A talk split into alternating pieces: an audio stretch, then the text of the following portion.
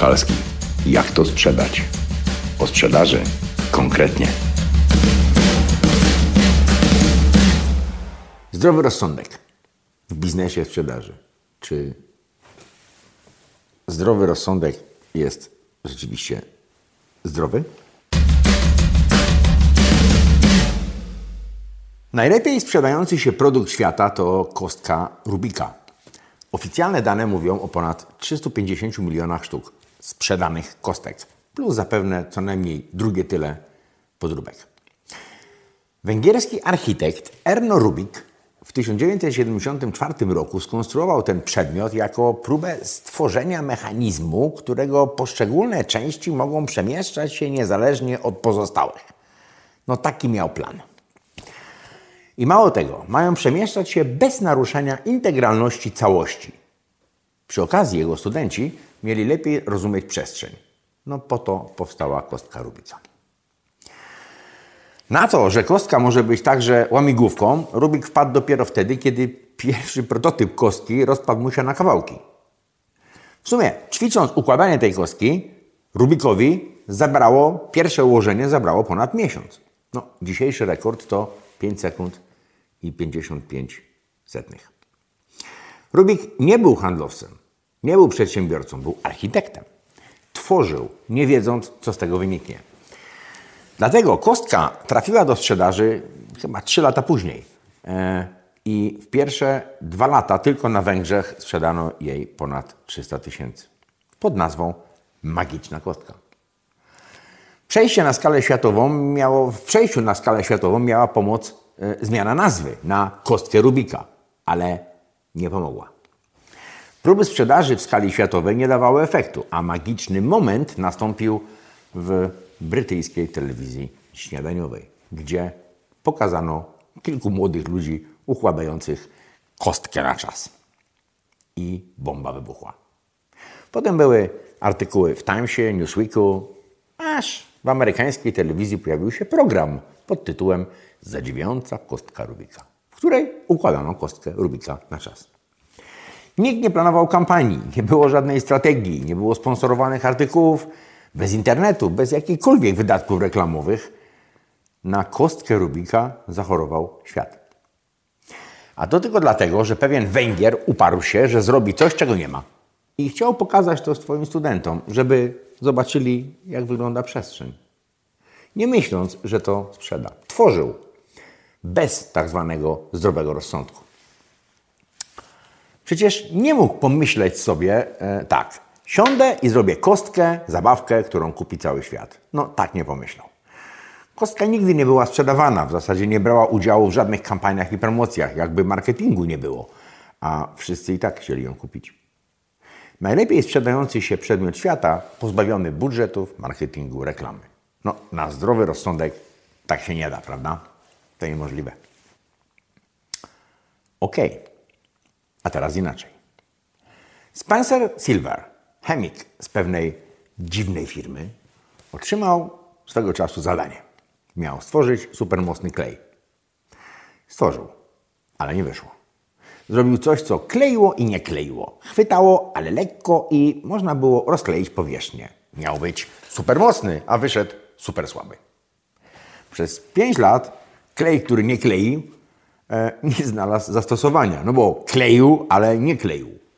A uparty chemik nie wiedział, co z tym fantem zrobić. Szukał, próbował, ale nie znalazł zastosowania. Do pewnego momentu. Jego kolega z pracy, kolega z pracy chemika, nieudacznika, śpiewał w chórze kościelnym i szlak go trafiał, kiedy podczas śpiewania gubił zakładki, którymi zaznaczał, jakie pieśni ze śpiewnika ma teraz śpiewać. I wtedy nastąpił błysk. Przypomniał sobie męki chemika z klejem, który nie kleił. I spróbował. Zakładki przykleił do właściwych miejsc w śpiewniku klejem, który nie kleił. I zakładki nie wylatywały. Po czym, bez szkody dla śpiewnika, odklejał je. No i jak śpiewał przy okazji. A że był pracownikiem pewnej dziwnej firmy o nazwie 3M, momentalnie uświadomił sobie, że to będzie rewolucja. Testy wykonano w biurze firmy. Po prostu rozdano pracownikom żółte kartki, nie mówiąc po co. I obserwowano co oni z nimi zrobią? I tak znaleźli zastosowanie. A tak na marginesie, dlaczego kartki są żółte? No, powód był prosty, ponieważ y, żółty arkusz papieru wpadł im jako pierwszy do ręki i od cała historia. Rozpoczęła się produkcja, ale jak to sprzedać? Jak sprzedać kartkę z klejem, która yy, nie wiadomo za bardzo do czego jest i jak wytłumaczyć to reklamami klientom? Pierwsze próby nie dały rezultatu. Nie udały się. Nikt nie rozumiał, co to jest, co to jest i do czego służy. A co ciekawe, e, firma zleciła badania rynkowe pewnej renomowanej firmie e, i ta renomowana firma badawcza no, po badaniach powiedziała, żeby sobie odpuścili, bo potencjał rynkowy jest minimalny. No, co badała renomowana firma, nie wiadomo, ale na pewno nie to, co było istotne. 3M olał wyniki tych badań i zrobili to po swojemu. Jak to sprzedać? Ano tak. Postanowili, że nic nie będziemy sprzedawać. Po prostu pozwolimy ludziom kupić. I tak zrobili. E, nie będziemy mówić, co to jest i do czego służy. Po prostu wysłali tysiące próbek do domów i do biur za darmo w jednym z miast i poczekali. Klienci sami znaleźli sobie mnóstwo zastosowań tego produktu i dopytywali, gdzie to można kupić. I w ten sposób niechciany produkt z klejem, który miał kleić, a nie klei, stał się produktem biurowym wszechczasów. I wcale nie trzeba było nikomu go sprzedawać. Klienci sami chcieli to kupić. Na zdrowy rozsądek to wszystko było bez sensu. Nieudany klej, cholera wie po co, małe kartki, na których nie da się za dużo napisać i nie wiadomo jak to sprzedać. No bez sensu. No bez sensu na zdrowy rozsądek. Z tym zdrowym rozsądkiem to jest dziwnie. Popatrzcie, Coca-Cola sprzedawała się świetnie latem, a zimą?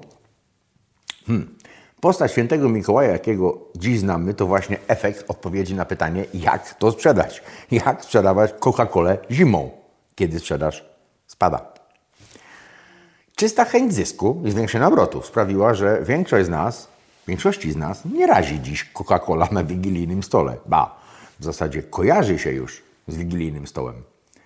Zwłaszcza wygląd świętego Mikołaja, wymyślony przez Coca-Colę. A ciężarówki Coca-Coli zwiastują święta przy dźwiękach coraz bliżej święta, coraz bliżej święta. No nie będę śpiewał. Są niejako symbolem zbliżających się świąt, co najmniej tak jak utwór Last Christmas duetu Wham, który w sumie o świętach nie jest. Jest smutną historią odrzuconej właśnie w święta miłości. Ale kto by się tym przejmował na zdrowy rozsądek? Czasami cuda się zdarzają, ale rzadko dzieją się same. I te cuda są z reguły nieregularne. Cudom trzeba pomóc. Odwaga w tworzeniu unikalnych produktów, usług, próbowanie wszystkiego daje takie szanse. Tak jak dziecko, które nie widzi ograniczeń i próbuje. Jest ciekawe, odważne, dopóki nie zacznie słyszeć o zdrowym rozsądku i skutecznie wyedukuje się z tego, co najważniejsze, z kreatywności i odwagi, czyli stanie się dorosłe i rozsądne. Zdrowy rozsądek. Ten zdrowy rozsądek nie prowadzi do niczego. Trzeba trochę powariować, jak dziecko. Zdrowy rozsądek doprowadzi jedynie do nudnych i banalnych rzeczy.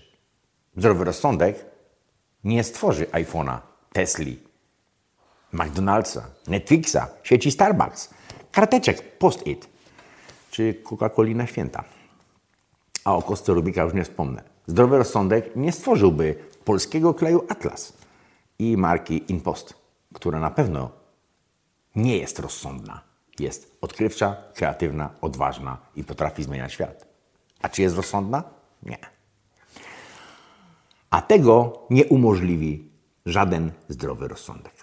Właśnie brak zdrowego rozsądku daje szansę na takie rzeczy.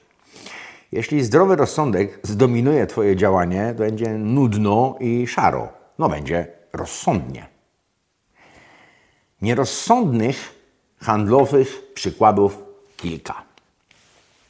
Fakt. To było dawno, dawno temu, mm, kiedy jedna z bardzo znanych sieci perfumerii uruchamiała kolejny oddział. Jeden z pierwszych. W dużym mieście, jednym z największych w Polsce. Jaki miała cel? No, trzeba otworzyć oddział, znaczy salon, sklep w jednej z galerii, a najchętniej to chcemy, żeby y, całe miasto dowiedziało się jak najszybciej o tym fakcie. No, i można to robić na różne rozsądne sposoby. Można wykupywać reklamy, można billboardy, można radio, można prasa, można telewizja. No wtedy mm, Facebooka jeszcze nie było, nie było, więc było trudniej. Ale były inne metody, w jaki sposób e, w rozsądny, tradycyjny sposób dać światu informację, że jesteśmy, przybyliśmy, witamy serdecznie. No ale tam zrobili to w sposób nierozsądny. Na szczęście dla nich i dla wszystkich. Otóż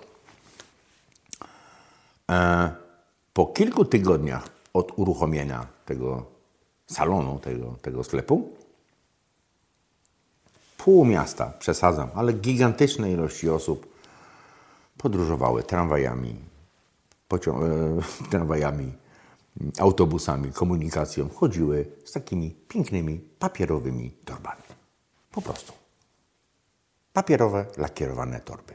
No, logo i kolory firmowe tej marki są mm, bardzo rzucające się w oczy. To nie było szarość i ciemność, tylko to były bardzo jaskrawe rzeczy. A więc to całe miasto o tym mówiło, o tych torbach i wszyscy chcieli mieć te torby. Te torby oczywiście były w pewnym kolorze firmowym z napisem, z logotypem marki. I wszyscy chcieli je mieć. Nawet moi znajomi pytali się, skąd masz taką torbę, a gdzie ją można dostać. I ta informacja przekazywała się z ust do ust, że no, wystarczy kupić jakiś produkt i tą torbę dostaniesz. Było totalnie nierozsądne, bo dokładnie po to do sprzedaży wprowadzono pewną myjkę do ciała, która kosztowała 3,99. Prawdopodobnie koszt wyprodukowania tej torby był większy niż ta myjka, ale nie o to chodziło. Chodziło o to, żeby wszyscy chcieli mieć torby. A żeby nie blokować e, dostępu do toreb, wprowadzono produkt za 3,99. I tak całe miasto przychodziło po myjkę. Za 3, oczywiście nie tylko po myjkę, kupowali też inne rzeczy, ale myjka była kluczem do posiadania torby. Czasami proszono, czy może pani dać mi dwie? No pewnie, że tak. I wtedy pani wychodząc z dwoma, było wiadomo, że dwie kobiety będą chodzić z tymi torbami po mieście, pokazując innym, że ta marka już jest. No jak można zrobić to w dziwny, nie, nierozsądny, nielogiczny sposób? No na przykład tak, wprowadzić tani produkt, dać torbę i wszyscy e, zarażą się tą ideą.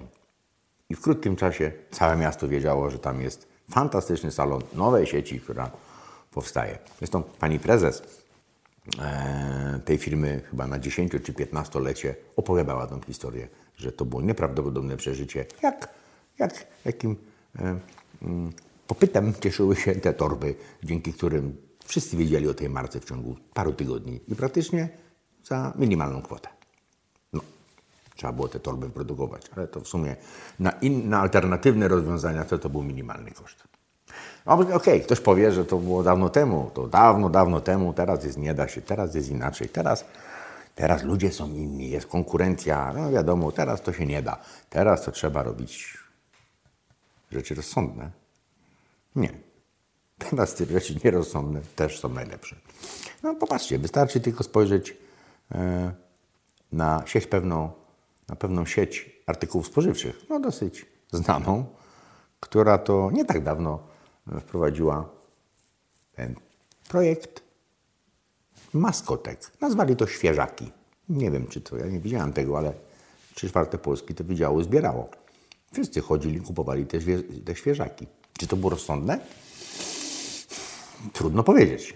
Dorośli ludzie wydają więcej niż trzeba, częściej niż powinni, po to tylko, żeby prawdopodobnie swoim pociechom zebrać te wszystkie e, maskotki. Tak?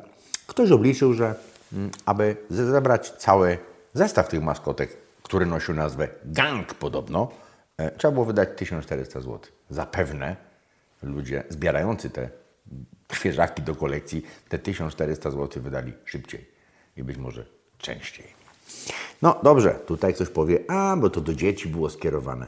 No do dzieci to tak, no bo rodzice chcą zbierać coś dla dzieci. No, zwłaszcza jak coś jest oryginalne, ciekawe i niedostępne gdzie indziej. No wiadomo, dzieci. No dobrze, ale konkurencyjna sieć, też artykułów spożywczych, mniej więcej w tym samym czasie zrobiła coś innego i już nie do dzieci. Otóż książka. Po prostu książka kucharska. Pewnego znanego kucharza, który jednocześnie był twarzą tej sieci. Żeby książkę kucharską dostać, trzeba było zebrać sześć naklejek, a naklejkę dostawałeś wtedy, kiedy zrobiłeś zakupy za 50 zł, czyli 300 zł wydane, żeby dostać książkę pana Karola. Nawiasem mówiąc, świetny człowiek i fantastyczna książka. E, jaki był tego efekt? Ja powiem to po sobie. Ja mam w domu całą kolekcję tych książek. Prawdopodobnie nie, nie oglądaliśmy ich nawet do końca, ale tak kombinowaliśmy z zakupami, żeby jak najszybciej zebrać sześć naklejek i mieć tą książkę. No, potem się okazało, że tych książek jest więcej. Więc cały czas trzeba jakieś naklejki zbierać, żeby mieć książkę. Czy to było rozsądne? Nie wiem. No, na pewno pierońsko skuteczne. Bo wszystko, co rozsądne, logiczne, powtarzalne i takie powszechne i znane i stosowane, mm, to być może jest w miarę bezpieczne, ale na pewno nie jest ciekawe i na pewno nie niesie za sobą możliwości dużych sukcesów. Warto być tym rozsądku trochę nierozsądnym i trochę pomyśleć jak dziecko. To gorąco polecam.